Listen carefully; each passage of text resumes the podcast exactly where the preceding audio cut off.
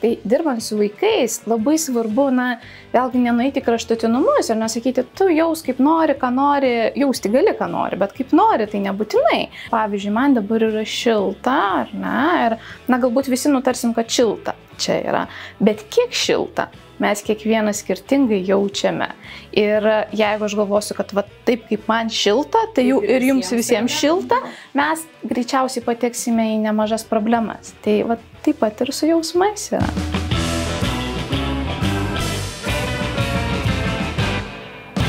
Sveiki, su jumis sveikinasi Leidyklos Alma Litera podkastas knyginėjimai. Kalbamės apie knygas ir apie tai, kas jas rašo, apie istorijas, kurios slepiasi, slepiasi po knygomis, apie ne visada papasakotus dalykus, kuriuos galima išvelgti po jų viršeliais, klausinėjame rašytojų, autorių apie jų svajones, apie jų kūrybinės virtuves ir daugelį kitų dalykų.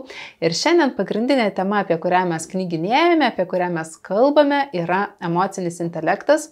Vaikai ir suaugusieji knygos šią temą. Na ir sveikinuosi su dviem puikiais, nuostabiais knygų autoriais psichologė Milda Karklytė Palevičiane Sveiki. ir Marium Poškum. Mariumi Poškumi. Taip, Mariu, kaip tave ilgiau ar trumpiau pristatyti? Marius Poškus. Labai gerai, labai gerai pristačiau. Labai gerai pristačiau. Taip, ir iš tikrųjų ant stalo turime dvi nuostabės knygas uh, apie jausmus ir apie emocijas. Ir tikiuosi, kad šiandien mes kalbėsim ne tik apie jausmus ir apie emocijas, bet pradėti norėčiau nuo jų, nes vis dėlto Tai yra ta tema, na, kuri jūs pakvietė tapti knygų autoriais, ar ne? Nes Milda, ne visi psichologai parašo knygas, ar ne? Mariau, iš vis ne visi tėčiai turbūt, ar ne, imasi rašyti knygų ir pasakoti vaikams apie na, jų emocijas, jų jausmus. Tai um, gal pradėkim nuo abecėlės. Mhm. Jausmai ir emocijos. Milda, koks yra skirtumas, ar jis iš viso yra, gal mes kalbam apie šiandien apie skirtingus dalykus ir vaiko emocinis intelektas yra niekaip nesusijęs su ką aš jaučiu su jausmais, ar ne? Žinoma, kad ne, tai galim baigti tą pokalbį. Na, o jeigu kalbant rimtai, tai uh, jausmai ir emocijos, jos gana dažnai kalbamos paraleliai ir kaip ir aš savo knygoje rašau, kad svarbu žinoti skirtumą patiems savo, bet, na, nebūtinai kiekvienas iki galvoti. Na, mes galim kaip ir jausmus pavadinti emocijom, emocijas jausmais ir, na, tai gal nebūtina, va, kiekvienas iki labai gilintis, bet iš esmės jie turi savo prigimtinę prasme, prigimtinę gal labiau skirtumą, kuo jie skiriasi. Tai trumpai pasakysiu tą tokį na, fiziologinį na, skirtumą, kas yra jausmai, kas yra emocijos.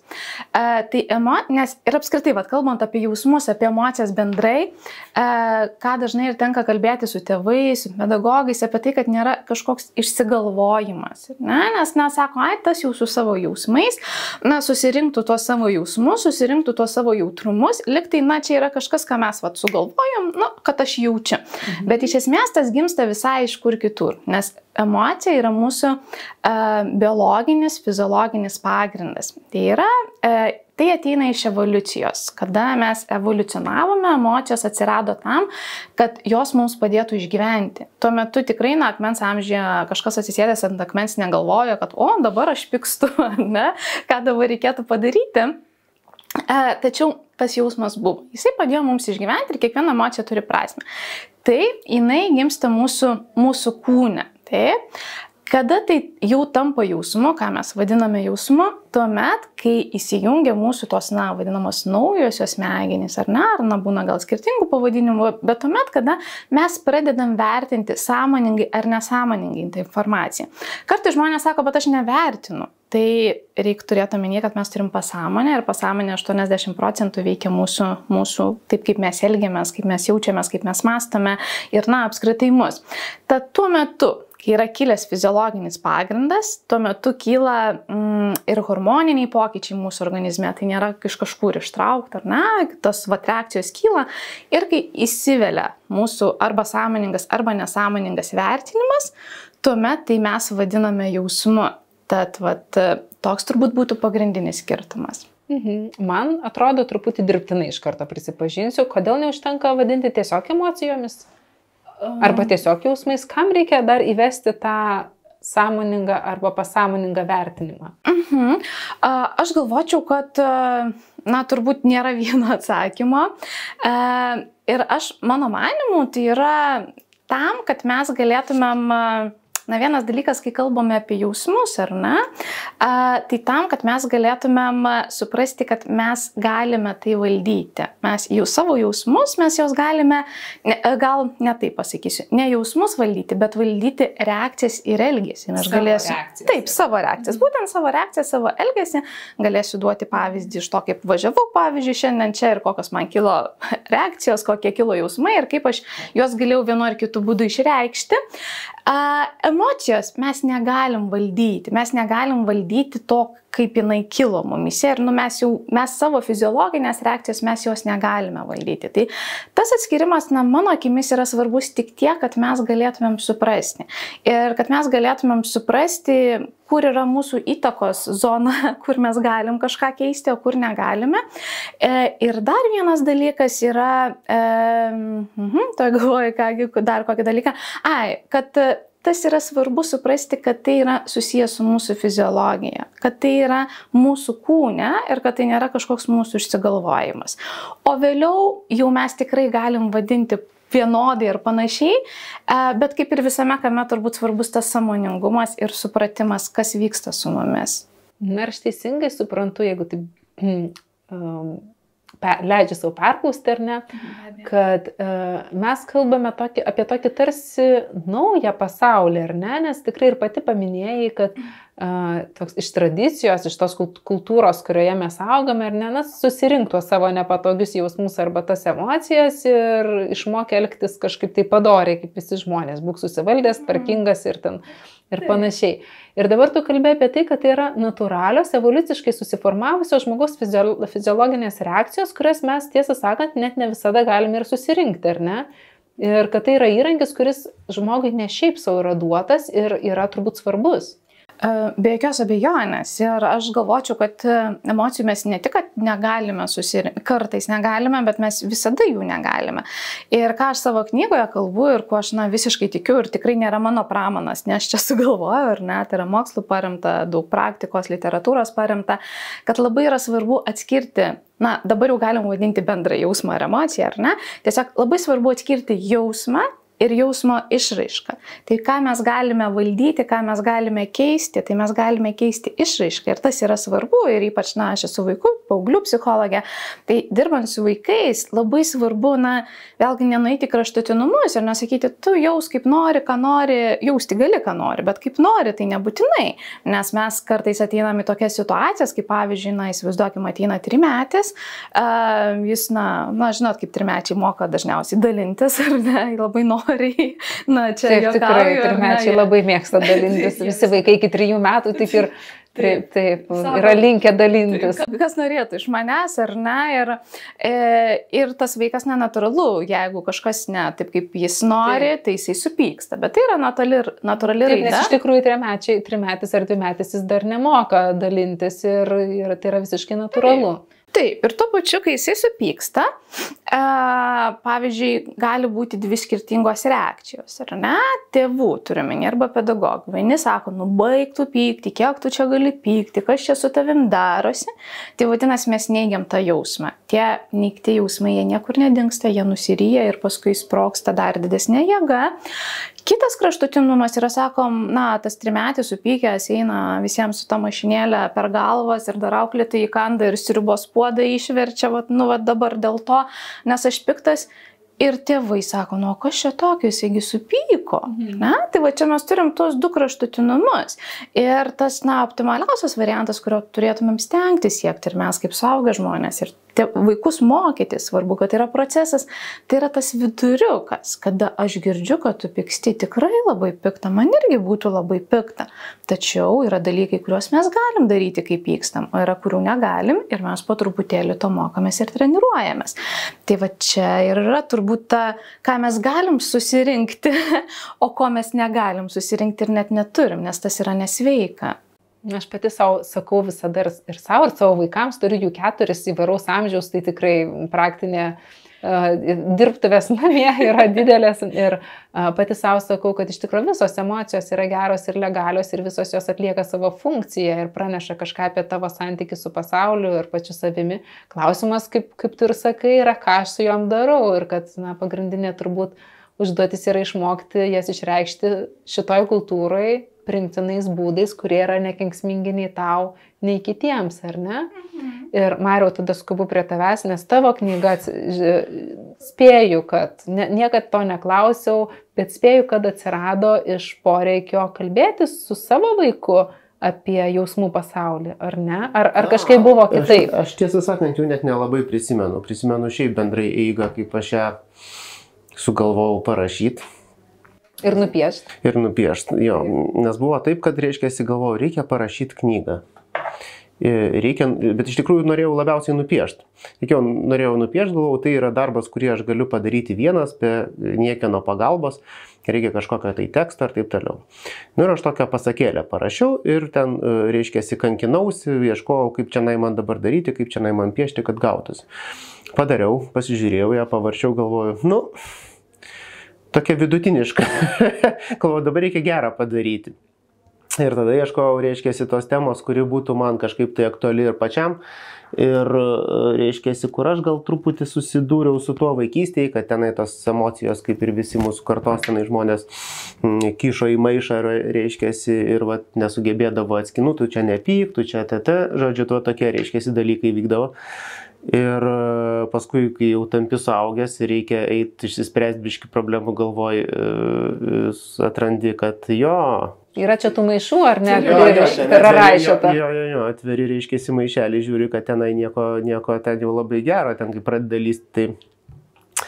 Tai va, tai žodžiu, tai aišku, tų knygučių buvo apie jausmus pilna ir yra jų ir gerų krūva, žodžiu, bet nebuvo tokios vienos, kuri būtų apie daug jų iš karto vienoje vietoje, reiškia, tu arba ten perki e, knygą, kur yra ten apie linksmą liūdną ir maždaug tiek ir, tiek ir užtek žodžiu, arba tada jau perki specializuotą kiekvienam reikalui e, po vieną. Ir kažkaip pagalvojau apie tokią schemą, kad visai smagu, kad tu, vat, reiškia, pirmą turėtum atpažinti tą jausmą ir paskui galbūt, žodžiu, ką su tuo daryti ir, ir tada e, reiškia, kad tie visi jausmai turi ir tą antrą pusę.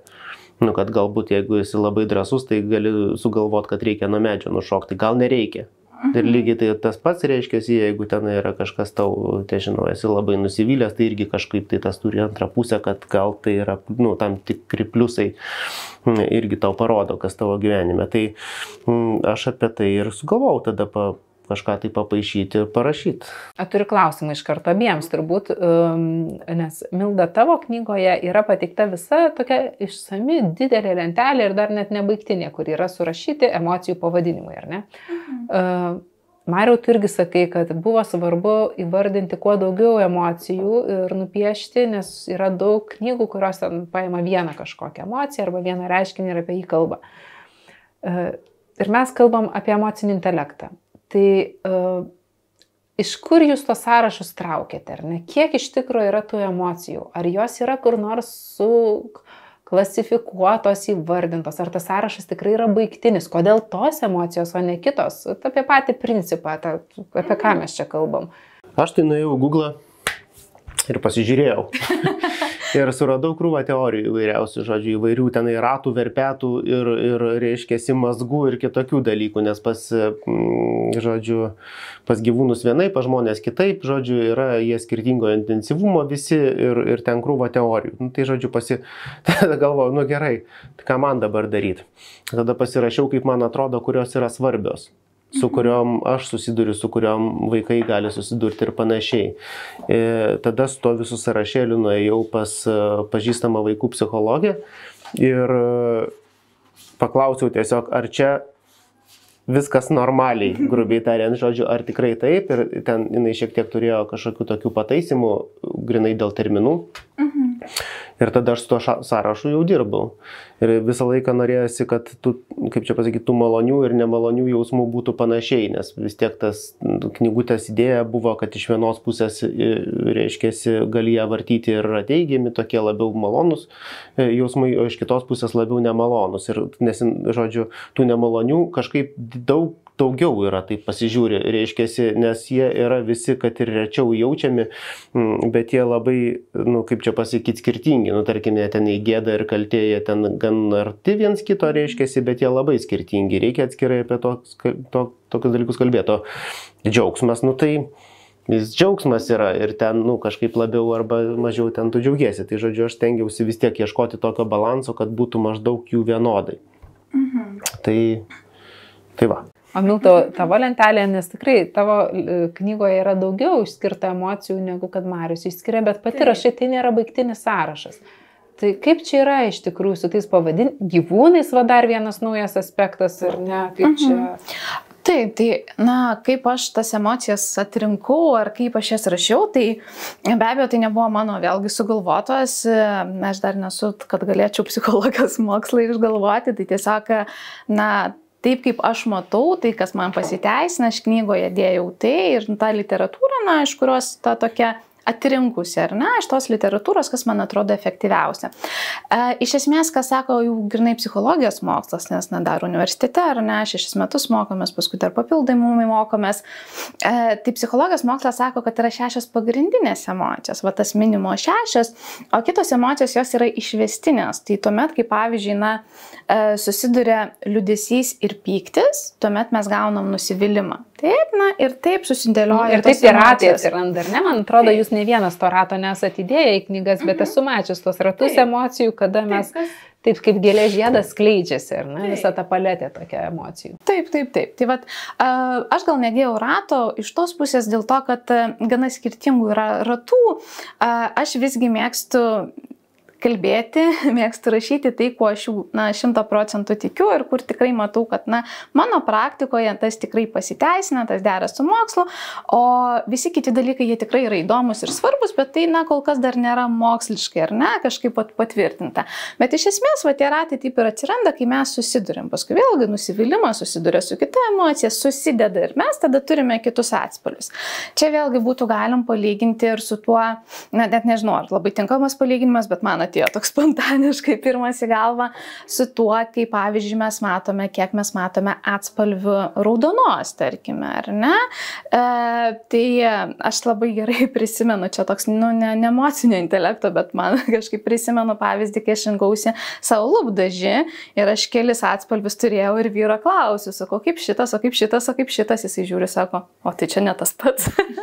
tai čia nieko nenoriu pasakyti apie savo vyrą ar apskritai, bet tai yra kiek... Apie tam mes... tikrą jautrumą, ar ne, arba tą turėjimą įrankių diferencijuoti, pamatymą, atskirti, pamatyti. Ir, taip, ir gal net įprotį, ar ne, taip. čia ir įpročio dalykas, nes, na, jeigu vat, vyras mano ten dažytųsi, dažnai jis turbūt irgi atskirto, kai taip, na, užmeta akį, tai taip pat kaip ir mes, kai mes užmetam akį į emociją, na, maždaug, arba net neužmetam, mes jos nejaučiam, kai mes pradedam daugiau matyti, mes daugiau ir tų atspalvių pradedam. Gali būti, tada po tą vieną emociją mes atrasim dar krūvą kažkokių kitų, ar ne, spalvų, kaip ten visas įvykių, įvykis susidėlioja ir kokia taip. ten grandinėlė. Tikrai taip. Ir, ir tos emocijos, na, kodėl aš rašau, kad jos, va, šis sąrašas nėra baigtinis, nes a, tikrai dar ir kiekvienas žmogus gali dar skirtingų atspalvių pajausti. Ten, kur aš matau jau tą jau ten rožiniai fuksiją kažkokią, kitas dar gali matyti šviesiai tamsiai ir, ir, ir vidutinį. Noriu pasakyti, kad tai yra individualu, kad ta prasme Uh, yra mes, ir individualumas. Ir, in, taip, ir dės, dėsningi tam tikri dalykai ar ne, bet ir visiškai kažkokios individualios kūno tam tikro reakcijos, žmogaus reakcijos. Taip, ir to matymas. Ir to matymas. Nes kaip ir minėjau, vat, Emocija tai yra visų pirma kyla fiziologinė reakcija, paskui yra mūsų vertinimas, sąmoningas ar nesąmoningas. Vertinimas iš ko jis ateina, ne iš vadovėlio, vertinimas ateina iš mūsų praktikos ir patirties. Tai mūsų, kuo mes esame vyresni, tuo mes turim didesnį savo repertuarą patirčių įvairių. Tad kai mes sujungiame tą kylančią reakciją su savo interpretacija, tai tų jausmų dar gali atsirasti įvairių atspalvių.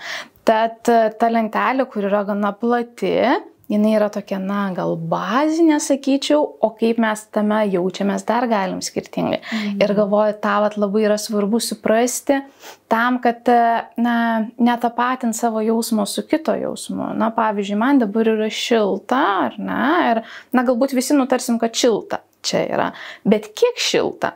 Mes kiekvienas skirtingai jaučiame.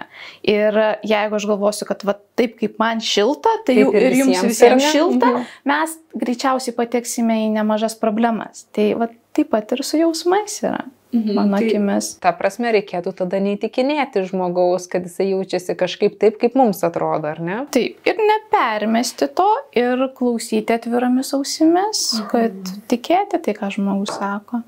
O dabar keliaujam dar, abiejų jūsų knygo, knygos yra orientuotos į vaiką, tai keliaujam truputį prie vaikų. Uh, emocinis intelektas, ar ne, tai pakankamai yra nauja savoka, nes mhm. kai aš augau, mokiausi, atsirado visiškai tada buvo naujiena, intelekto koficijantas. Mes turėjom tą intelektinį intelektą, ar ne, proto intelektą. Taip. Dabar kalbama, emocinis intelektas jau yra vienareikšmiškai įvestas į vartoseną ir visi žino, arba bent jau mano, kad žino, kas tai yra. Šalia atsiranda dar įvairių kitokių intelektų, muzikinis ir ten ir, ir matematinis ir kiti. Um, tai vis dėlto, kas yra tas emocinis intelektas? Mhm. Nes vartosena jo yra labai daug. Ir tikrai labai daug knygų, kurios lavina vaiko emocinį intelektą. Ne? Labai daug visokių mokyklėlių, darželių, kurie lavina vaiko emocinį intelektą. Ką jie lavina?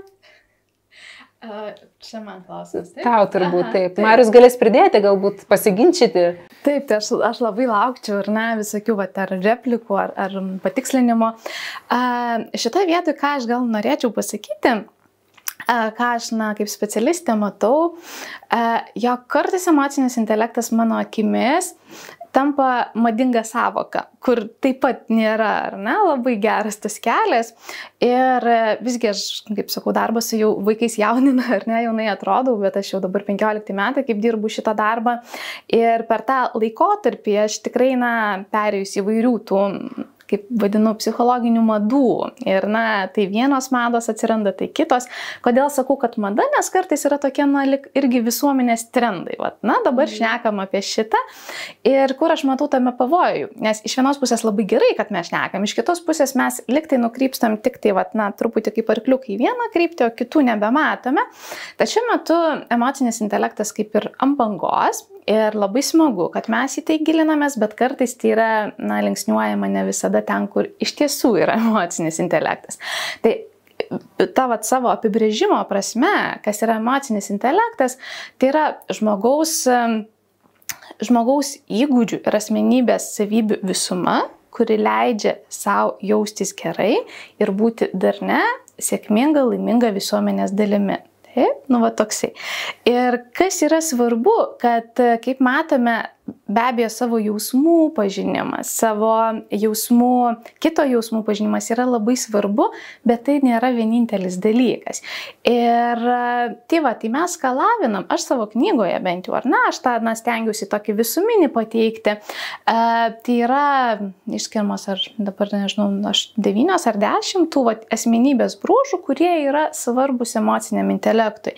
Tai į tą be abejo įeina savęs, savo, savo jausmų pažinimas, bet kad aš pažinčiau savo jausmus, aš visų pirma save turiu pažinti, taip, save kaip asmenį, tuomet kito jausmų pažinimas, labai svarbus yra bendradarbiavimas, labai svarbus yra atsakomybės jausmas, kuris atrodytų, na, kaip čia dabar atsakomybė, susijęs, bet taip. taip, bet tas yra labai susijęs savarankiškumas į tą įeina, kuris irgi atrodytų, na, emocinis intelektas, bet tai, na, aš nagrinėju apie tai, kaip tas yra susiję ir kitos asmenybės savybės, bet tai iš esmės yra viskas tam, ne tam, kad būtų kitam patogu su manim gyventi, ne taip kaip mes esam gal na, mūsų sovietiniam kultūriniam paveldį įpratę, kad aš mhm. būčiau patogus, Taip. bet tam, kad man būtų gerai, bet nenukrypstant į tą pusę, kad, na, man gerai. Kiti, kiti nesvarbu. Taip, o po manęs lik ir tvanas. Tai va, ta dermė gebėjimas būti neprarandant savęs, gebėjimas būti su kitu žmogumi, gebėjimas būti visuomenėje, tas iš esmės ir apibrėžia intel, emocinį intelektą. Nes tikrai mes man viena vaikų psichiatrė yra pasakiusi labai tokį, na, frazę, kuri man vis labai suskamba, mes kalbėjomės ten tiesiog apie, na, tam tikrus vet, profesinius atvejus ir sako, žinai, Milda, sako, jinai dirba na, stacionare ar ne, krizių centre, kur, kur vaikučiai jau atvažiuoja ilgesniam laikui ir sako, pas mane skyriui yra tikrai daug vaikų, kurių yra aukštas intelektas, tas IQ mhm. mūsų vadinamas ir tai rodo, kad tai yra tikrai protingi, gudrus, nuostabus, faini vaikai, tačiau jie neturi tam tikrų emocinių kompetencijų ir, na, aišku, ir aplinka labai svarbi, kur jie gyvena e, ir dėl to, na, jie nebegali gyventi to tokio savo, savo tikro gero gyvenimo. Tai va, emocinis intelektas yra su tuo. Gal ką dar norėčiau pasakyti, tai kad kartais atsiranda tokia liktai prieš priešą, kad jeigu, vat, na, kad jeigu ugdom emocinį intelektą, kad IQ yra nesvarbus. Ne, taip, taip, jau liktai nereikia. Arba gal kartais tėvams atrodo, kad jeigu aš ugdysiu, tai vaikas, na, bus liktai ne, neišsilavinęs. Čia labiau apie tai, kad IQ nepakanka tam, kad gyventum saverti gyvenimą. Tikrai taip, tikrai taip, to reikia ir to, ir to. Mhm. Bet tikrai IQ, na, nieks turbūt nesiūlo jo atmesti. Nežinau, geras klausimas.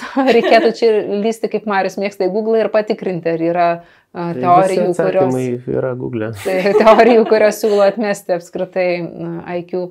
Mariu, o tu pats, uh, klausimas irgi, na, toksai, gal ne apie emocinį intelektą, bet apie tai, ką kalba Milda, apie um, emocijų pažinimą ar ne, tokį įsivardymą, pasaky, kad atkeliauji iš tų laikų, kaip ir aš, beje, kai mūsų niekas nemokė. Uh, kad emocijos gali būti, kad jas galima įsivardinti. Ir dabar tikriausiai nemoko, žodžiu. Moko, ne, negalima taip sakyti, va, Milda moko ar ne, tavo knyga moko, bet ar tau pačiam tas rašymo procesas, ateimas prie tų žirštų maišų padėjo, tu kažkaip augai, patobulinai savo emocinį intelektą, Ar likai uh, kažkur ten? Ai, man atrodo, kad su kiekviena diena mes kažkaip tai augam visą laiką, jeigu mums įdomu kažkoks tai, tai e, vis tiek skaitai papildomai, reiškia, įdomies, nu, tam žinai, reikia ten atskirti tos jausmus, reikia ypač vaikam, jeigu rašai, tai to teksto ypatingai mažai, jiegi tenai neperskaitys jam bimbam žodžiu, tai tą vieną sakinį tu nori sudėti labai daug dalykų, žodžiu, ir tada kiekvienas tas žodis tampa labai,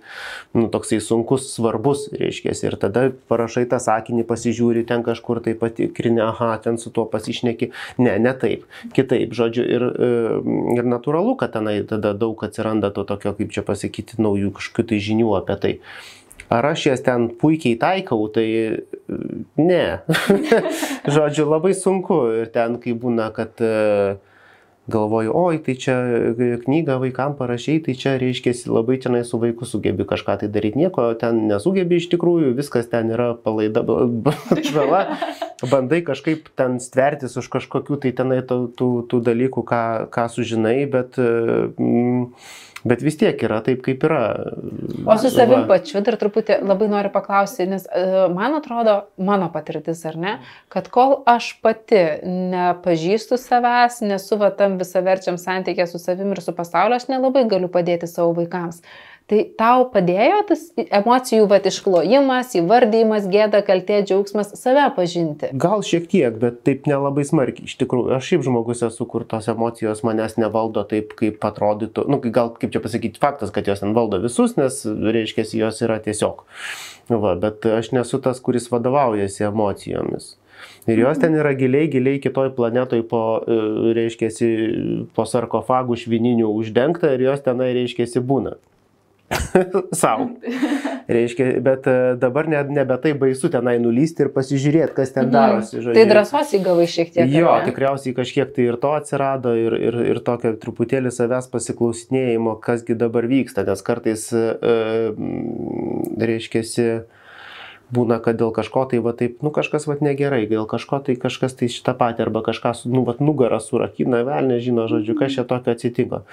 Ir tada, reiškia, vos nepasiemi tą knygutę numintise, reiškia, ir galvoji, aha, tai gal aš pykstu, jeigu pykstu, tai dėl ko, jeigu, o gal aš esu tenai nusivylęs dėl kažko, tai tai irgi dėl ko. Va pradedi, žodžiu, knysti e, tą mėsmalę, reiškia, sukti, mhm. žiūrėti, kas tenai išeina ir kai kur m, prigauni, kad, a jo, o man nutiko tai, ir aš vat nesureagavau, niekaip neparodžiau, o iš tikrųjų tai reiškia, aš labai pikau tuo metu ir panašiai. Tai žodžiu, mm, tai kažkiek, tai vat, reiškia, tokio vat, padėjo to, bet jau, man atrodo, tai, ką mes ten vaikystėje įgyjom, labai paskui sunku išmušti. Paskui tik tai gali, reiškia, pratingų knygų prisiskaityti ir galvot, kad čia, reiškia, viskas yra, dabar aš jau čia taip imsiu ir darysiu. Nedarysi, bet žinosi, kaip reikėtų. Tai toksai Aš norėčiau, jeigu galim papildyti, aš taip jau labai taip nekantrauju.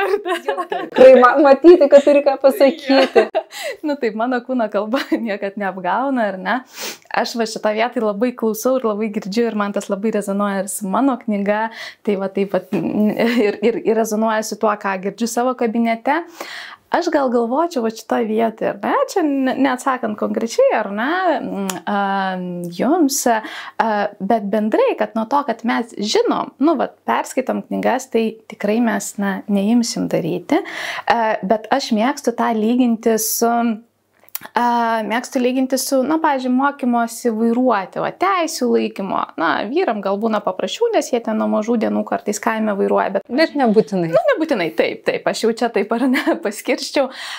Bet iš esmės mes, na, jeigu mes perskaitysime taisyklių rinkinį, jeigu mes perskaitysime, kaip reikia, skait, e, kaip reikia vairuoti, ar ne, mes nuo to tikrai neišmoksim vairuoti. Mes galim tobulai mokėti teoriją, bet šitoje vietoje yra vienas dalykas, kaip mes galim tą išmokti. Pradžio tikrai reikia perskaityti, nes neturim suprasti, kaip vyksta vairavimas. Žodyną turėti, ar ne, kalbant apie emocijas, ką aš žinau, kaip jas įvardinti, Taip. ta prasme kokia kaltė, kokia ten gėda, aš nežinau, nei kaip tas jaučiasi, nei kaip tas vadinasi. Taip, būtent tą ir, na, na, teorinę, tarkim, dalį, o tada yra svarbu praktikuotis.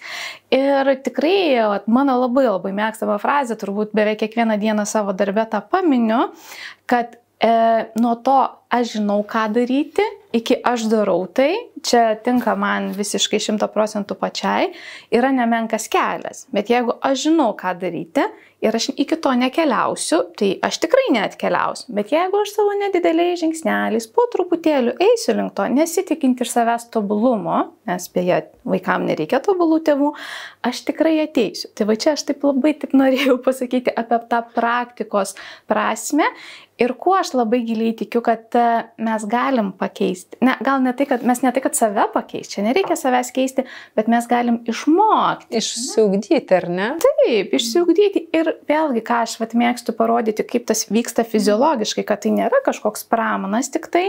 Ir apie ką rašau savo knygoje, kad kaip formuojasi mūsų va, tie vadinami elgesio modeliai. Na, kad, pažiūrėjau, supykęs aš pradedu rėkti, arba kad supykęs nutylu ir prasideda nekalbatiniai. Na, tarkime, taip.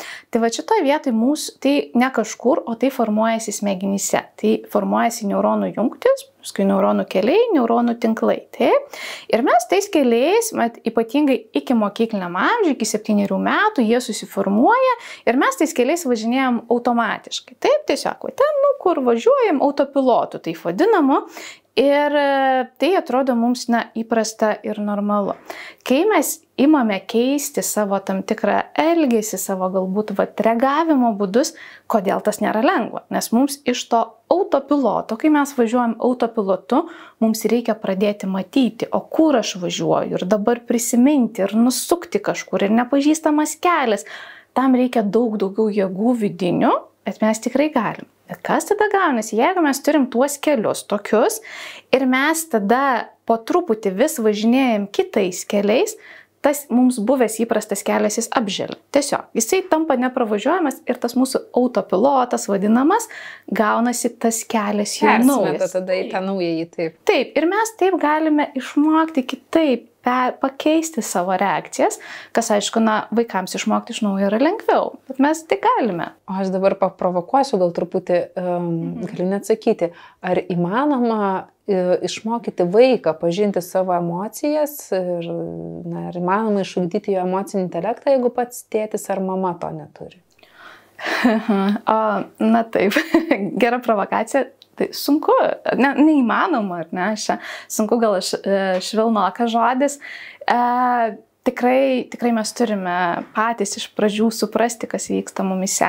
E, iš kitos pusės gal į ką vat, norėčiau atriguoti, kad mes nebūtinai turime patys mokėti tą tobulai daryti, nes tada na, mes galime mokytis kartu su vaiku, bet mes vis tiek turim eiti priekyje vaiko. Čia kaip mes jeigu einame per tamsų mišką, nebūtinai mes turim perėję tris kartus tą mišką būti, kad jau vestumėm vaiką, bet mes na, negalim akli eiti, užsimerkę, užsirišę raištą ir sakyti, na, žinai, vaikeli, aš tave pravesiu, dabar jau labai gerą kelią. Nepavyks. Tai mes tikrai turime. Išlikti to saugusiojo ar ne ir to saugus ir žinančio pozicijoje. O gerai, žiūrėk, aš dabar esu mama, kuri supranta, nu va, pas mane pilna yra sarkofagų, nenori aš ten lysti, nenori daryti, nenori tų maišų traukyti. Nu gerai, yra, pripažįstu, taip, yra, mano laikais buvo tik tai IQ, žinai, dabar atsirado emocinis intelektas. Mano vaikas tegul jūgdosi, aš ugdytis jo nenoriu, nenoriu ten lysti, nenoriu nieko žinoti, neįdomu man tavo gėda ir kaltė. Kaip man padėti savo vaikui tada? Na, yra, nežinau, kažkokios mokyklos, metodikos, kur aš galiu ką mokyti, kam jį duoti ir, ir kad jį ten išmokytų viso to, ko aš jau nemoku. Labai. tai, na, čia kaip kartai, dabar tikrai labai retai tas pasitaiko, bet vat, mano darbe, ar ne, dar ypač prieš kurį laiką būdavo, a, kai, na, kaip sakau, įstumia vaiką, ar ne, na gal ne visai tiesioginė prasme, bet į kabinetą jūs jį išmokykit būti žmogumi. tai, Labai geras posakis, ar ne? Tai, tai žinokit, nu, atsiprašau, bet esu nekompetitinga, taip, aš galiu padėti mm. visai šeimai mokytis kartu ir visi esate puikų žmonės, galbūt kažkas kažko nemoka, aš galiu padėti kartu, galiu padėti vaikui tam tikrus dalykus padaryti, e, bet mes na, labai labai turėsim kartu, ar ne, į tą kelionę. Tai šitoje vietoje nudėje nėra nei tokių mokyklų, nei tokių knygų, nieko tikrai nėra. Ir man va tas pavyzdys kartais irgi skamba, kai vaikai sako, na, mes kalbame su vaikais, pažiūrėjau, apie konfliktus ir, na, ir, na, brolių sesijų konfliktai turbūt žinome, kad nu, gana dažnai pasitaikantis yra. Ir, ir analizuojam, na, tarkim, su, mer, su mergaitėm ar su berniukais, ar ne, a, tas, kas vyksta ir sako, nu, aš tai ten, kai, kai supikau ant sesės, aš ten reikėjau. Mhm, tai tada, o ką, va, na, ką, kaip dar elgesi tėvai, būdami aplinkui. Tai ten tėtis arba mama ant manęs rėkia dėl to, kad aš nustočiau rėkti. Tai... Pažįstama Mariu. Aš nelabai reikiu iš tikrųjų. Ne. Jo, Aha. retai kada reikiu. Bet, Puiku, jo, bet, bet na, jau kai užreikiu, tai ten jau dreba viskas. Tada. Aš galvodavau, kas ten taip skamba Vilniui. tai... Taip, aš irgi pagaunu, prisipažįstu, pagaunu save, kai aš bandau besirėjančius, berėkiančius vienas ant kito vaikus, jau pati supykusi iki negalėjimo irgi apšaukti ir suprantu, o dieve dabar jau. Ir tada išranda mano paauglė, kuri šiuo metu atrodo brandžiausia ir sako, ko jūs čia visi rėkia. Taip. Taip, taip tikrai taip. būna. Tai ir viskas tas žmogiška, tas būna, bet va šitą vietą, kas yra labai svarbu, nes, na, aš kai dar vesdavau gyvus mokymus, šiuo metu online mokymai dėl, dėl pandemijos reikalų, uh, tai aš labai mėgdavau, na, irgi truputį paprovokuoti ir visų pirma klausdavau, kas iš jūsų nežinote, kad ant vaikų rėkti negalima. Na, arba kitais kažkaip būdais destruktyviai elgtis, ar ne? Na, tai kas žino, tai miškas rankų, ar ne? O kas niekada to nedarėte? ir kažkaip niekas nepakelia ranko. Mhm. Ai, nežinau, man tiesiog dabar prisiminiau, nes taip Aha. yra, kadangi mano vaikas toks ganėtinai jautrus ir jisai ten būna užsilepsnoja, ten durim trinkšt, net žodžiai į savo kambarį, ten ir visa, visa kita. Dėl gali būti, nu, nežinia, suprasi kodėl. Ir, ir visą laiką tada duodi tokį ultimatumą. Žodžiu, jeigu tu reikia, tai gal ir aš tada rėksiu. Tai, ai, nu tada gal gal ir ne, tada gal aš tada ne, nu, stengiu. Ir tada jau matosi, kad tas tonas pasikeičia, žodžiu, ir nesvarbu, kad yra tos vis tiek, nu, kaip čia pasakyti, jisai pyksta, viskas tvarkoja, tu čia pyk, tu tik nerėk. Kiek metų, kiek metų tavo vaikai dabar? Devyni. Jo, su tokiu jau turbūt galima visai kitaip Kita kalbėtis. Taip. Samoningumas. Su dvimečiu turbūt nesuveiktų, ar ne? Taip. Taip. Jo, mhm. tai aš nežinau, kaip su dvimečiais iš viso reikia bendrauti, jis yra tiesiog gyvūnas. O. Taip. Ne, aš, aišku, aš aišku juokauju, bet, nu, ta prasme, jis yra arčiau to, to kas yra. Tos reakcijos, tiesiog, kad yra reakcija ir tiek. Taip. Ir iš tiesų, na, aišku, aš čia galėčiau išnekėti penkias valandas apie tai, nes, na, ir, ir dvi mečiai jau daug ar ne, gali suprasti, bet be abejo, na, vėlgi, ką kalbu savo knygai, kad labai svarbu tas kalbą parinkti pagal vaiką. Tikrai nekalbėsim su dvi mečiu kaip su dešimtmečiu, arba jeigu su dešimtmečiu kaip su dvi mečiu, tai, tai dar netaip užtrenks tas duris, ar ne? Tai, tai labai vat, svarbus vat, tas vat, parinkimas, bet, na, čia viskas yra visiškai normalu, kad mes kažką padarom ne taip, kaip norėtumėm ar kažkaip, bet vat, koks, kokią vat, vietą dar norėčiau paminėti, šitą vietą labai yra svarbu, jeigu mes einame emocinio intelekto keliu, prisiminti, o kas iš mūsų yra suaugęs, o kas yra vaikas. Ir kuriam iš mūsų dabar yra ten 30, 40, 20, kuriam yra 5, 15 ar 10. Ir kad mes nesusidurtumėm kaip 2-15 mečiai ar 2-5 mečiai, bet kaip mes susidurtumėm kaip va, tas mat, mūsų Suaugęs vaikas ir suaugęs. O tam, aišku, mums reikia būti perėjus savo vidinio vaiko va, tuos etapus. O ko labiausiai žmonės bijo, e, kalbant apie emocinį intelektą? Ne apie vaikų, bet apie suaugus. Arba ir apie vaikų, ir apie suaugusių. Esi pastebėjusi savo praktikoje, kad ko nenori, kodėl vengia ar ne, arba kodėl atsitraukia, galbūt pradeda e, domėtis ir atsitraukia. Turbūt išsigasta, turbūt yra baisu, nes, e, vat, kaip ir Marius ir na, labai gerai paminėjo, kad tikrai labai nedrasu, nu, gal čia tas nedrasu dar toks lengvas žodis, bet na taip ir nedrasu ir na, baugina iš esmės, nes mes taip kartais, na, tikrai turim nerti kaip į tokią gilę tamsią jūrą ir tam reikia resursų, tai yra vidinių išteklių. Jeigu mes turime, pavyzdžiui, 2-3 mažamečius, na, kad ir vieną, ar ne, turime darbus, turim galbūt nelabai savo, na, tokius e, gerame būvyje esančius santykius su sutoktiniu, gal dar darbe problemų, tai mes, na, nu, atrodo, jeigu aš ten nersiu, nu, tiesiog pakriksiu? Jeigu leisiu savo jausti, Jeigu pamatysiu, kas ten yra, nes Mhm. pamatyti tai, kas yra mumise, turbūt yra labai nelengva. Nes vienas dalykas ir jausti, ir išmokti tą jausti, nes mes dar turim tas asociacijas be galo, kad jeigu aš leisiu savo jausti pyktį, aš pasijausiu pats blogiausias žmogus pasaulyje, pavyzdžiui, nes man kažkada tai įdėgė. Ir yra tikrai, tikrai savo kailiu, galiu pasakyti, yra sunku tą pakeisti, nes tai yra automatinė reakcija. Ir staiga aš pradedu jausti pyktį ir didžiulę kaltę. Tai aš nuo tos kalties bėgu ir tuo pačiu pabėgu nuo pykčio. Na ir įvairiausių, įvairiausių va tų tokių sąjungų, asociacijų. Kitas dalykas, kai aš, na, pamatau, kad, na, aš galbūt gyvenau su rožiniais sakiniais ir dabar reikia pamatyti tą savo pasaulį kitokį, negu jis yra, pavyzdžiui, ir tas yra tikrai sunku. Ir va tas dažnai žmonės ir, ir stabdo. Ir šitoje vietoje, koks mano būtų patarimas, tai nesakyk, gerai, aš drusus, niorsiu ir man čia niekas nerūpi, nes, na, vėlgi mes nu, nuneiksim, ar ne? Bet leisti savo eiti kad ir mažučiai žingsneliais, po truputėlį, po truputį tą užalaidėlę ten atidaryti, biški pykčio ten ar kažko pamatyti gėdos, ar ne, pabiški tos jausmelius savo įsileisti. ir pripažinti, ar ne, kad aš pykstu, kad aš pykstu. Marius va sudėjo emocijas dvi dalis, ar ne? Vienoje, kaip tu ten sakai, tos, kurios malonios, kitoje tos, kurios nemalonios. Uh, bet iš tikrųjų tai jos visos turbūt vienodai reikalingos ir svarbios, ar ne? Dabar atversiu va, tą nemaloniųjų pusę. Žiūrėkime į tas konkrečias emocijas, ar ne, ką tu čia sudėjai, atstumimas pavyzdžiui. Ar ne, tai yra svarbu įsivardinti. Labai ir vat, labai toks gal net ir gerą tokią, ar ne, iš karto atvertam, ką, pažiūrėjau, galėčiau pakomentuoti apie atstumimą ir kur vat, yra, kas svarbu emociniam intelekte, kodėl dar svarbu.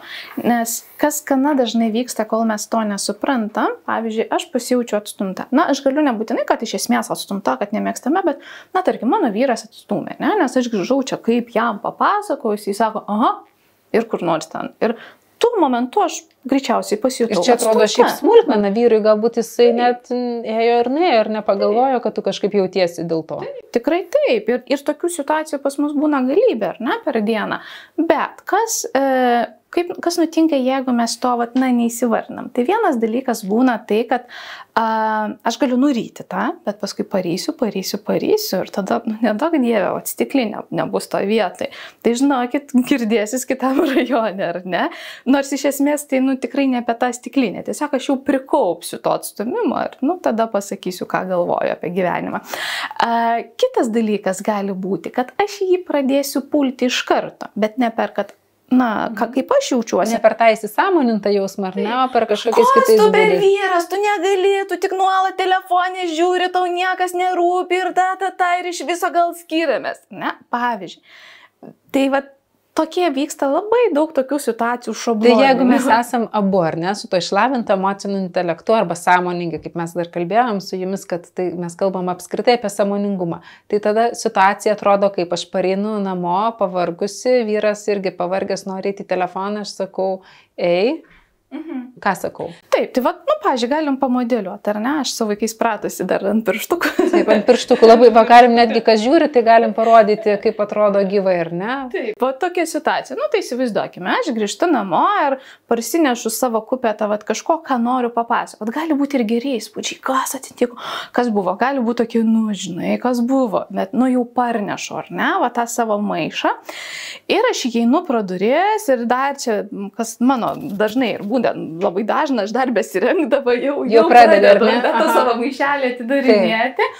Bet aš tuo metu iš tikrųjų nu, irgi ne, ne, nepažiūrėjau, nenuskanavau, o kaip jis, ar ne, ar jis Taip. pasiruošęs priimti, nes mes tarsi esam vienas siuntėjas, kitas gavėjas ir visą laiką keičiamės tom būtent. ir- pozicijom. Ir kokiam jis yra etape dabar, gal jis tuo metu, nu, ten per vidurį laiško rašymo, aš čia žinai, kaip buvo.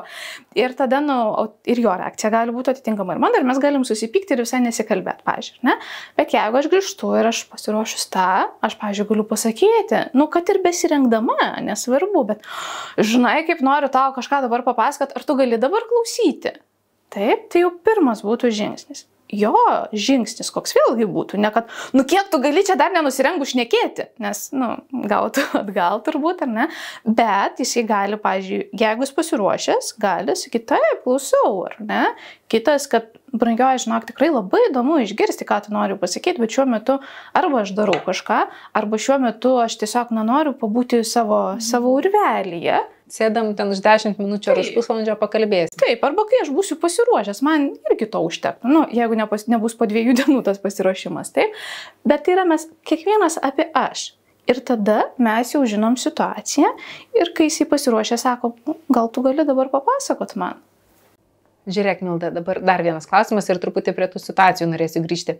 Kiek aš suprantu apie smegenis ir neuroplastiškumą, tai jos, na, tokios yra fainos, smagios tos mūsų smegenys, jos nelabai skiria fantazijos ir tikrovės, ar ne? Ir jeigu mes turim kažkokią situaciją, kurioje aš pasielgiau netinkamai, ne, aš pasielgiau netinkamai, Mariu, ne. Viskas tvarko, viskas. Nu, man atrodo, aš ten atšaukiau savo vaiką arba Aha. ten sugėdinau jį, priverčiau pasijusti kaltą arba partnerį, nesvarbu ką. Ir, nu va, nuvažiavau savo tai tuo įprastu neuronų taku, tank, tank, tank, keliu, tank, tank, tank, tank, ne, autostrada pagavo mane, autopilotas. Ir aš jau esu perskaičius va vieną kitą gal knygą, seminarą atlankiusi, paskui sėdžiu galvoju ir vėl nusimoviau kažkaip. Ir tada galiu nueiti kaltę, ar ne, ir ten sėdėti ir graužtis, arba galiu atsisėsti ir pergalvoti, o kaip norėčiau, kad būtų buvę, ir gal net atsisėsti su savo vaiku ir ten vyru, ar, ar ir perkalbėti, ir permodeliuoti tą situaciją iš naujo kažkaip, ir tada tarsi tie neuronai, nors aš nesu realioj situacijoje, bet yra galimybė kurti tuos neuronų takus ir tą formuoti naują elgseną, ar ne, naują įprotį. Tikrai taip, tikrai taip. Ir iš tikrųjų, na, pirmas dalykas šitoje vietoje, gal ir apie vatkaltį, ar ne, labai kiekvienam svarbu suprasti, kad mes tikrai nueisime, tikrai nueisim tom savo autostradom, 200 gazas, dugnas važiuosim ir tikrai to bus, ar ne? Ir kad vaikams ir nereikia tobulų tėvų, žmonų nereikia Jie vyrams, ar negyvena ne? su vadovėliais, ar ne? Taip, ir mes, na, žmonės, mes tikrai visi padarom, ar ne, viską, E, bet kas būtų šitoj vietai svarbu, tai kad mes galėtumėm, kai jau grįžtam į savo ten tą stotelę, atsiprašyti, pasakyti, grįžti, atsiprašau, aš pasielgiau netinkamai, aš pasielgiau. Ir pasistengti nuo to, aš atsiprašau, kad aš apšaukiu tave, nu, bet žinok, tu mane taip sunervavai, nes vėl mes klinkt ar ne, numetam atsakomybę. Tai yra, kad aš atsiprašau, aš pasielgiau netinkamai, aš, ypač kai su vaiku, ar ne, aš turėjau susivaldyti. Tuo pat metu mes rodom ir vaikui pavyzdį, kaip galima atsiprašyti, mm. kaip galima susivaldyti. Taip, kad galima klysti, kad jeigu tu suklysti, vat, kas yra labai labai svarbu mums visiems, tu nesi blogas, kad tu kažką netai padarai, tu nesi blogas žmogus.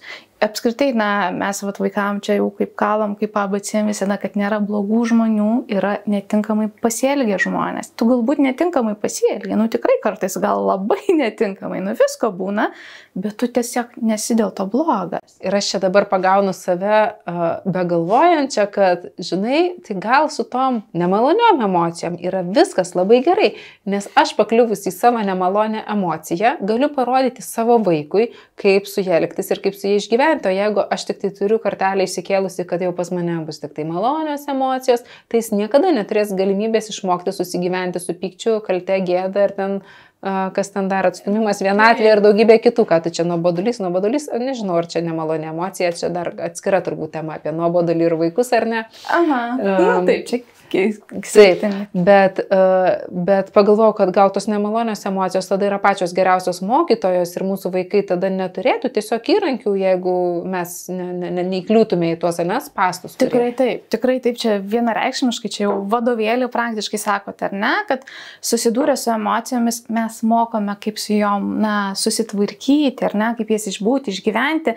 Ir vat, vienas iš, e, kaip tik, vat, na, šiandien ir mokymų medžiagą rašiausi vakarą visi mokymus, vienas iš dalykų yra ir kaip vaikams išmokti būti ir, na, susitvarkyti su emocijom, nevengti jų, nes kartais tėvai daro kitą tokią meškos paslaugą, kad stengiasi išvengti vaiko emocijų, na, tokių mhm. natūralių, ar ne, kur, nu, tikrai gyvenime jų pasitaiko, viską padaryti, kad tik nebūtų tų emocijų, bet tada, kai jau vaikas su jom susiduria, jis tikrai, tikrai susidurs, jam jos tampa gerokai labiau gazdinančios, baisios ir jisai neturi įrankių su tuo, ar ne? Tai va čia ir mums mums parodyti ir vaikui leisti išgyventi, bet tada parodyti tą pavyzdį, o kaip mes norėtumėm, kad būtų.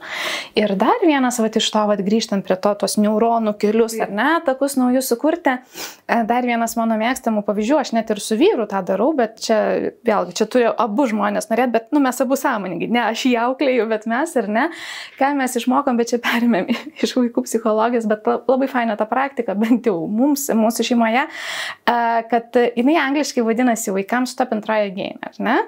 Tarkim, vaikas ten atėjo, mama, atvažiavo, nu, vad kažko, ar ne? Ypač mažesnėje ir kai tas emocingas, mhm, aš girdžiu tave, o dabar Sustojam, mhm. išėjai, bet ne tas išvarimo, bet mhm. pabandom iš naujo. Iš naujo įeik pro duris ir prisimink, kaip mes kalbėjom, kad reikėtų šitoje situacijoje vertėtų pasielgti. Ne? Ir jeigu vaikas nėra va tokioj, na, tantrame, tantrame. taip, mhm. jisai tuomet išeina ir gali grįžti. Ir, ir čia netgi visai smagus žaidimas tada. Taip. Taip, ir tada vietoj to, kad, na, nu, kaip tu čia kalbėjai, brud, mamu, mamu, moralų, ar ne, vaikas pats patiria ir jis patiria tuo pačiu pasiekmes. Pirma pasiekmė, kai aš atėjau va toks, na, nieko blogo, bet ir nieko gero. Iš to mhm. negavau. Kai atėjau va taip tokiais tinkamesniais būdais, tada aš išsprendžiau ir aš neprimenu ten vaikui, kad kai tu, tu, tu, tu, tu, tu, bet tiesiog, o, va, tai yra būdas, kaip mes sprendžiam. Ir čia jau yra dar ir iš kūno terapijos, kūno psichoterapijos, nes mūsų kūnas viską įsirašo, ne, mes to norim ar ne, kūnas prisimena tą, va, nu kaip tas, kas būna, kaip tas jaučiasi, Tai mes, na ir su vyru tą padarom, ar ne? Ir čia ne tik, kad aš čia vyrui taikau, bet mes vienas kitam taikome. Tiesiog toks yra susitarimas, kad jūs šitą įrankį naudojat, ar ne poroje? Taip, ir tada, kai būna kažkoks, kad jų kažkas ten pradeda bumbėti, kad Mhm. Dabar pradedam klausimą iš naujo. Taip, Mariu, o tavo knygoje irgi yra labai nemažai tokių konkrečių situacijų. Kaip ir sakei, pats norėjai parašyti, kad va, kaip atrodo netinkamas elgesys, arba kaip atrodo, kada jau ta ger, net ir gera emocija gali nuvesti kažkokį kraštutinumą su, su iliustracijom, labai labai konkrečiai aprašyta. Uh, tu jas iš gyvenimo ėmėjai, galvojai, tarėsi su kažkuo.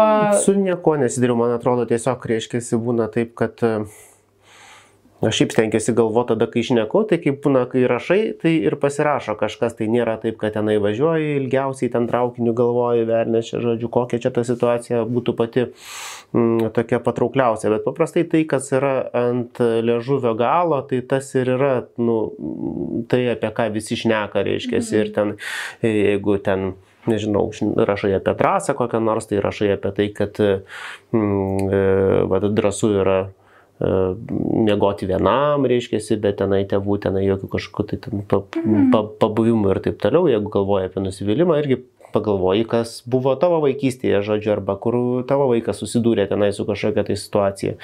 Ir paėmi tokias apibendrinį, reiškia, ir rašai. Tai kažkaip tai tokių situacijų labai norėjusi daug panaudoti, e, nes iš tikrųjų tai sunku suprasti. Ganėtinai, nu, aš, aš kai rašiau, tai vis protestuodavau ant savo vaiko Ir ten tos personažus, kai paaišiau, irgi mes kažkaip kartu susėdė tenai būdavo, kad papaišydavom e, ir, ir jis ten irgi savo susigalvodavo kažkokių personažų visai kitokių, bet, nu. Nes tu kiekvienai emocijai, kas nežino šitos apdovanotos jau knygos, ar ne, Varnildas sakė, naudoja savo darbę, tai kiekvienai emocijai yra sukurtas personažas. Tai jinai kiekviena turi savo atrodymą, ar ne, savo išvaizdą. Taip, taip, žodžiu, nu, tokie, kaip, tokie dalykai, kurie galėtų, kaip čia pasakyti, turėti savo tą vat, jausmų pasaulį, žodžiu, ir ten gyventi, tokie vat, personažai veikiai.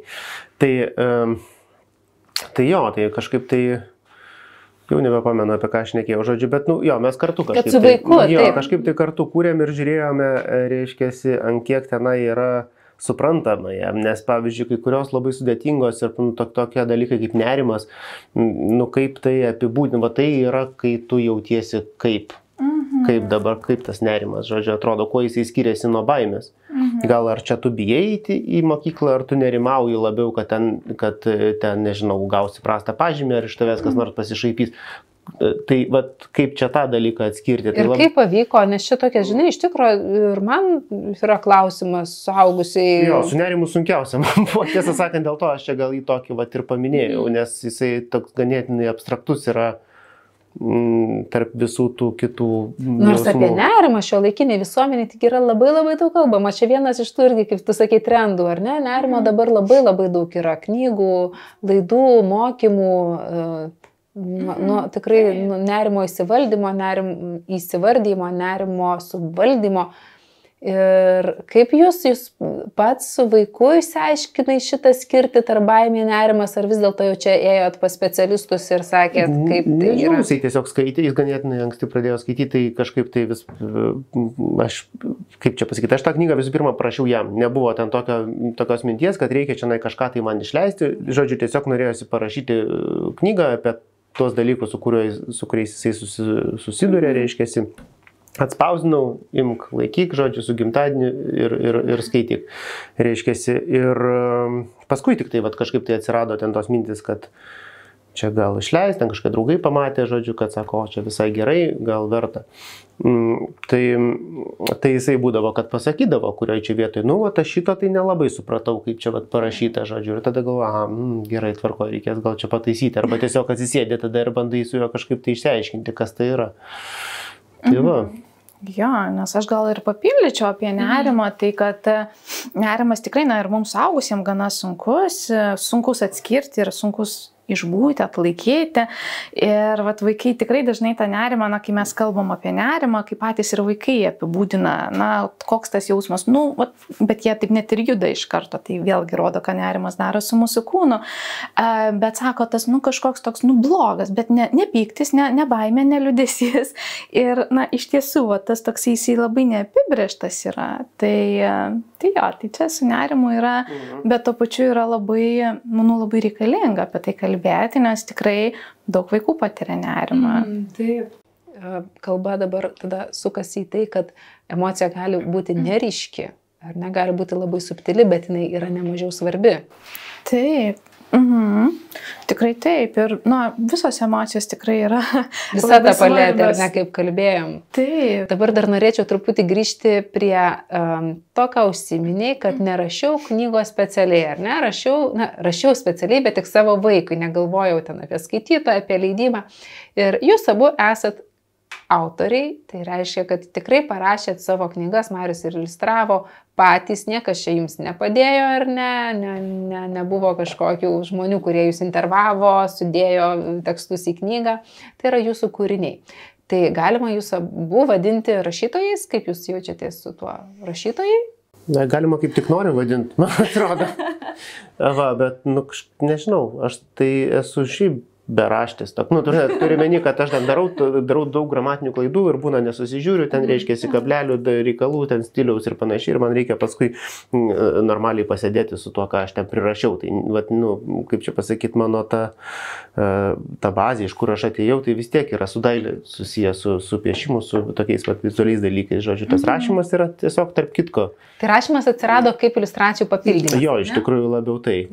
Ar buvo sunku tau rašyti? Kaip, kas padėjo rašyti? Ar tu iš vis turi kažkokį, esi bandęs rašyti, kad jo, aš turiu tokią lengvą techniką, žodžiu, ką aš, nu, ypatingai gal jeigu, vat, kadangi, kadangi rašau savo vaikui, tai vis tiek kiekviena ta, kiekvienas sakinys arba kiekviena, kiekviena pastraipa, žodžiu, aš jį įsivaizduoju, lyg jisai man sėdėtų priešais ir aš su juo šnekėčiausi, žodžiu. Arba yra toksai, kaip čia, E, tokia technika, e, lyg rašytum jam laišką. Tai yra įsivaizduoji, kad yra kažkoks tai kreipinys, mielas, mhm. Mano ten draugė, žodžiu, kablelis, ir tada rašai tą sakinį. Ir tada jisai gaunasi toksai, nu, koksai jis ir gaunasi, lyg mes, va, reiškia, išnekėtume. Mhm. Taip, tai... Uh, Tai va, aš kažkaip tai taip, vat, nebuvo labai dėl to sunku, buvo gal labiau sunku suredaguoti ir paskui pačiam pasižiūrėti, kiekgi vis tik tai aktualu kiekvienas, tas sakau, pasverti kiekvieną tą sakinį, ar jisai reikalingas čia dabar, kai kur gal tiesiog yra per daug, kai kur ten nespės, nu, kažkaip tai viskas su, su, sutekė ten į to mažo vaiko smegenis, jeigu jisai neskaito ten didelių knygų. Tai, Tai va, žodžiu, o šiaip tai paskui dar vadovausi tokia taisyklė, kad kad žmonės šiaip skaito, nu, žiūrėk, kad e, suaugę žmonės tai skaito knygas, pasiema, žodžiu, nu, pirmas skyrius, antras skyrius ir visą tą, reiškia, tokią paklodę ten išskaito ir viskas yra tvarkoj su juo. Vaikai kaip jie, nu, ypač tokie, va, reiškia, mažesni, kurie neskaito. Čia penkerių, aštuonerių metų tu jo. vaikams rašyti, tai ir vaikas turbūt tavo sūnus. Jo, jis jau buvo gal penki, kai aš pradėjau rašyti, tai kai pabaigiau, aš nežinau, kiek jam buvo, šeši, septyni žodžiu, tai, e, bet e, irgi jie ten atsiverčia per vidurį. Mhm. Ir žiūri, vai, čia man kažkas įdomaus ir, reiškia, ir kiekvieną tą e, gabaliuką jie turėtų kaip ir sugebėti perskaityti ir jisai jiems turėtų duoti informacijos daug. Tai yra, kad, nu, lygiai taip pat kaip yra tokių knygų, ten ir senų, ten Richard Skerry tokia, reiškia, kur um, uh, ką žmonės dirba, visą, visą dieną, visą dieną, kur galėtum atsiversi, atrodo, o čia nai kažkas tai ten kirpėjas kerpa ir nu, ten vyksta mini siužetas ir, ir, ir to užtenka pilnai. Tai irgi čia irgi tokia, toks dalykas, ką aš norėjau sudėti į knygą, kad, kad, kad ne, net nebūtų to nuseklumo, kad būtų galima bet mhm. kada pasimti kokį gabalėlį ir pasižiūrėti.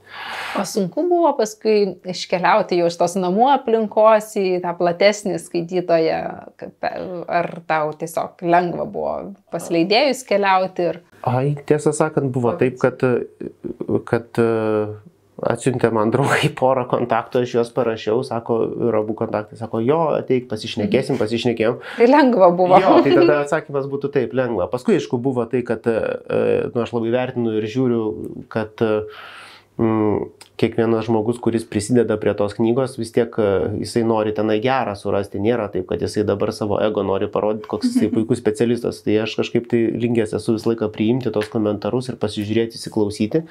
Ir e, nuo to, kaip aš ją išleidau, tai jinai nu, patobulėjo šiek tiek ten reiškia, kažkas tai tokio atsirado papildomų, ten kažkokių tai iliustracijų, kažkas tai buvo išmesta, tokio kaip, kaip nesvarbu, ta kalba, klaidos buvo ištaisytas. Tai tokio bendradarbiavimo, ar ne? Jo, jo, tai jo, tai jo to, tokio įvyko, tai aš nežinau, kiek tenai, nu, nu tarkime, pasikeitė 15 procentų ar 10 procentų nuo to, bet reiškia, kaip aš tą eskizą tokį turėjau.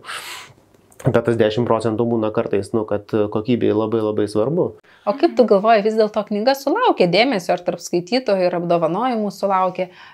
Kas įvyko? Buvo reikalinga, buvo, nežinau, laiku, vietoje, originali labai?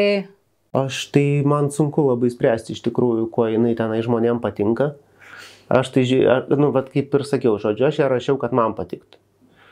Tai e, Bet į galą rašymą visą laiką galvoju, nu ir ša čia, žodžiu, ten viskas jau nebepatinka, tada žinai, kad jau maždaug arti pabaigos esi, e, kai jau nori viską iš naujo padaryti. Reiškia. Čia ir su kitais darbais tau būna toks jo, ženklas. Visą laiką, bet čia tai yra tiesiog, nu, nežinau, nu, kaip čia pasakyti, ant to vis tiek ne, nejoji visą gyvenimą. Tu padarai tą darbą, padarai, kaip jis tau atrodo, kad yra geriausiai tuo momentu, kaip tu jį geriausiai galėjai, arba kiek, reiškia, tau užteko, kad, nu, viskas jau, reiškia, užteks čia naidailinti ir kaip čia, better than than perfect yra toksai posakis. Ne, žodžiu, geriau tiesiog pabaigti.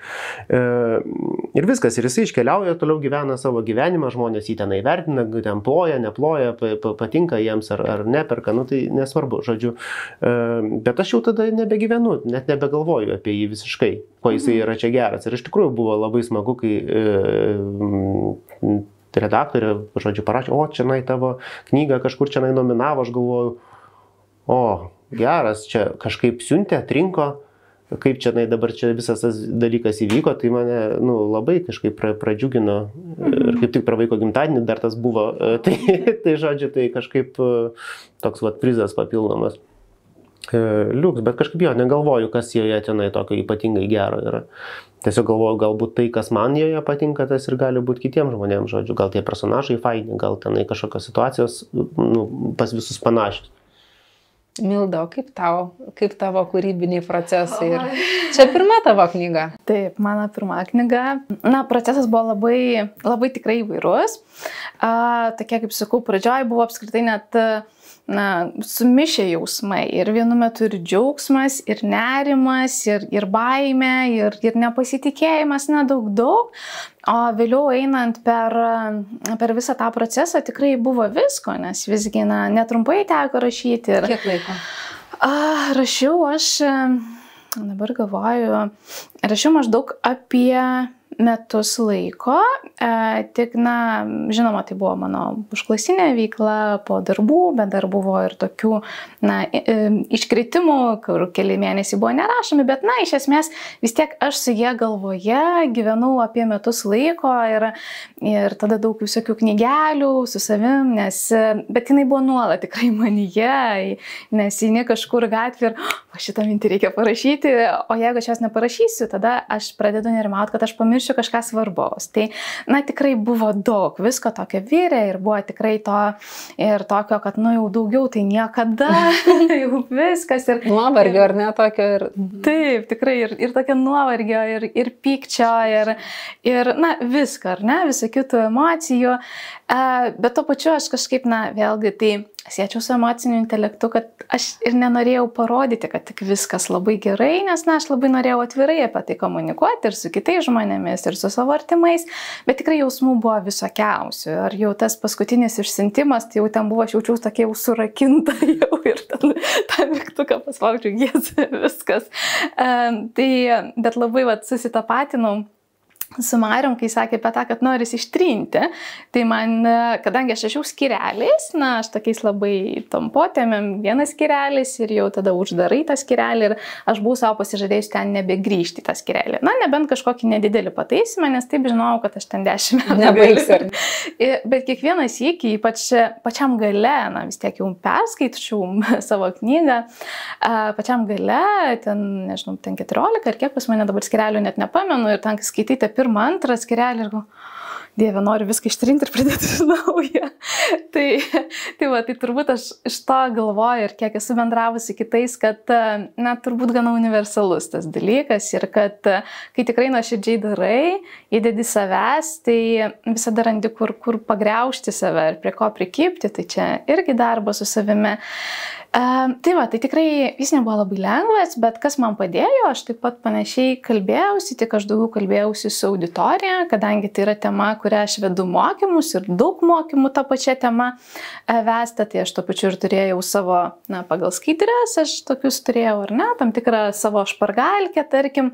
Uh, tai va tas pokalbis, lyg aš kalbėčiausi su auditorija, man jisai taip pat uh, gerokai padėjo. Gerai, tai tada noriu paprašyti jūsų abiejų trumpai pasakyti. Trys patarimai žmogui, kuris nori parašyti knygą. Va, trys patarimai pagal Marių. Reikia sugalvoti apie ką. Man atrodo, tas pirmas yra labai platus, apie ką žodžiu. Tai yra, nu, turėtų būti kažkas, manau, asmeniško pakankamai. Tada galbūt ir tas tekstas bus nuoširdesnis. Tada antras dalykas, manau, kad reikėtų uh, kaip čia įvertinti, kad reikės disciplinos kažkokios tai, tai padaryti. Ir, ir trečias, aš manau, kad reikia vertinti pagal tai, kas tau pačiam patinka. Jeigu ta, neklausyti tenai, žodžiu, kitų žmonių, vėliau, visi čia turi savo tos nuomonės, kol nepabaigsi, tol, tol, žodžiu, daryti, kad tau pačiam būtų gerai e, dėl savęs. Ir man atrodo, tada, e, tada kažkaip turėtų pavykti. Trys patarimai pagal Mildą.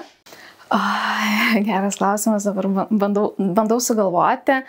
A, tai turbūt vienas dalykas būtų neturėti na kaip, teisingiau, turėti realistiškus lūkesčius. E, na kaip juos įgyti, tai čia dar kitas klausimas turbūt, bet man čia irgi kaip ir su motinystė truputėlį siejasi, kai mes tik žiūrime nuotraukas ir matome, kaip viskas bus gražu ir tada susidurėm su vaiku, na ne visada taip įvinka, įvyksta, o žinome iš teorijos, kad realybė minus uh, lūkestis minus realybė lygų nusivylimas, tad kai mes kuo realistiškesnius lūkesčius turėsim, kuo daugiau pakalbėsim, kaip vyksta tas e, rašymo procesas, kokie jausmai kyla, kokie iššūkiai kyla, mes na, lengviau ir išgyvensim tos iššūkius. Tai turbūt būtų pirmasis toksai. Antrasis, e, na taip, aišku, turėti aiškę aiš, aišku tikslą, kam aš noriu parašyti tai ar ne, tai a, ką aš tą žin, noriu perduoti. Ar aš noriu perduoti, na, kažkokias teorinės žinias ar savo praktiką. Na, toks aiškus žinojimas, nes tada lengviau pasirinkti kryptį. Nes tikrai ir mano praktikai buvo, kai rašai ir, na, liktai nori pradėti mėtytis, bet kai mes, na, kaip visų galų meistras tampa niekieno turbūt ar ne, ir tada, kai kuo, kuo aiškesnė kryptį turi, apie ką ir ko tu nori pasakyti, tai gali tikrai palengvinti palengvinti. Ir trečias dalykas - nebijoti atrasti savo unikalumą. E, unikalumas tai nebūtinai reiškia vėlgi, kad darysiu bet kaip. Tai teisingiau tai neturėtų to reikšti, bet nebijoti rašyti ten, kur tu esi savo vėžėse. Ir, na, kaip ir sakoma, kad kopijų pasaulyje užtenka, ar ne, reikia, vat, na, būti savimi. Ir tas savęs iškojimas jisai nėra visada lengvas ir tikrai nėra lengvas. Tai nėra darimas bet ko. Bet kai aš turiu savo unikalumą, turiu savo kažkokį stilių, savo būdą, tas turbūt ir arčiau prisiliečia prie skaitytojo. Iš tikrųjų labai dažnai gal, žmonės galvoja, kad jie nėra unikalūs ir tai, ką jie sugalvojo, yra visiems akivaizdu. Bet paprastai tai būna tik tai tau pačiam akivaizdu. Ir reiškia, mhm. jeigu tu darai savo ir mhm. galvoji, kad nu, viskas čia yra tvarkoje, šita mano nuomonė, kuri greičiausiai yra tokia pati, kaip ir visi kiti masto, tu paskui sužinai, kad iš tikrųjų nevelnė yra tavo požiūris. Labai geras pastebėjimas. Taip. Aš gal dar net va čia ir dar truputį, pa, nu, prie, link pabaigos ir, na, ir va čia apskritai yra apie emocinį intelektą, būtent apie kalbėjimas ir, na, kas labai dažnai ir išeina, nes žmonės šiaip sako, kad, va, kalbantis poroje ar kalbantis su vaikais, na, taigi čia savaime aišku, kamgi tą sakyti, nes, nu, man atrodo, kad tai natūralu ir, ir tada, kai susiduria tie savaime aišku, tada žmonės ir nebesusikalba. Tai, tai va čia labai tokia gera mintis buvo. Gerai, kitas trumpas klausimas jums abiems. Um, trys jūsų, na, galim būti ir viena, dvi, bet, sakykime, mhm. trys knygos, kurias jūs rekomenduotumėt kitiems, kiekvienas. Tai greitai, trumpai. Berniukam pirmenybė. Aš esu, kadangi Tolkieno fanas, tai aš visiems rekomenduoju Žiedų valdovą paskaityti. E, e, nežinau, Voneguto gal ką nors ir gal kokį Kamiu. Mhm. O, sunku taip greit sugalvoti, nes e, ateina koks 20 knygų į galvą, bet pirmasis, va, na, pabūsiu tokia projekcija tiesiog, nemąstant, ar ne? Pirmasis ateina į galvą mažasis princas man, antrasis man ateina į galvą labiau autorius Jalomas, na, tai yra čia visų turbūt klasikas ar ne, bet labai labai man jisai. Ir kitas žmogus, e, kurio knygos man labai patinka, vėlgi autorius tai yra Kalko knygos, kurios man, nu, negalėčiau kažkokios įskirti. Bet ir dar noriu ketvirtą pasakyti, jeigu galima, kuri dar ateina į galvą. Tai čia iš dabartinių vat, knygų, kurią aš perskaičiau, tai Dievas užlepetimis, tai mūsų, mūsų autoriaus ar nežinoma, kuri man tikrai labai labai patiko ir tokį paliko asmeninį kažkokį vat, tokį anspaudą. Ačiū. Ir dar vienas toks greitas klausimas, ko nenorėtumėt, kad skaitytojai sužinotų apie jūs. Aš jau viską pasakiau, kad nemoku rašyti. tai, tai kaip ir nebeliko. Jo, nebeliko, viską išsidaviau. Viską išsidavėt. Aš ko nenorėčiau Um, aš irgi atrodo gana atvirai išneku, tai galbūt, nu, ką jau sužinojo, kad aš tikrai ne visada ilgiuosi emociškai intelektualiai. tai kartais nes mes turime tokį juoką su vyru, kai mes einam ten, mes gan abu tokie intensyvūs, aktyvūs esame ir užsiburbuliuojam tarpusavį ir kur nors parduotuvėje, aš tenka nors užsiburbu ir sako, nu tai pažiūrėkim, kur čia tavo klientai. tai, tai va, tai, bet dabar jau pasakiau, kad tikrai ne visada, bet visada turiu tą samoningumo lygmenį, link kurio stengiuosi eiti. E, ačiū už trumpuosius. Dabar dar pabaigai norėčiau grįžti prie ilgųjų klausimų ir turiu vieną klausimą, kurį iš tikrųjų buvau pasižymėjusi kaip pirmąjį. E, ir dabar atidėjau galvą, padariau tokią rokiruotę. E, Mildai. Žinai, Taip net baisu pasidarė. Tai, baisu, gerai, įsivardėjom, baimė, vadinasi, um, išmanai savo sritį. Žinai, psichologai e, gali rinktis iš daugybės kelių, kur keliauti, ar ne, verslo psichologija, dar kažkokia psichologija. E, tu atkeliavai prie emocinio intelekto, Ir na, vis dėlto turbūt yra svarbus sprendimas, kokioje srityje nori dirbti, su kuo nori dirbti. Kodėl tu pasirinkai šią, kodėl pasirinkai emocinį intelektą? Mhm.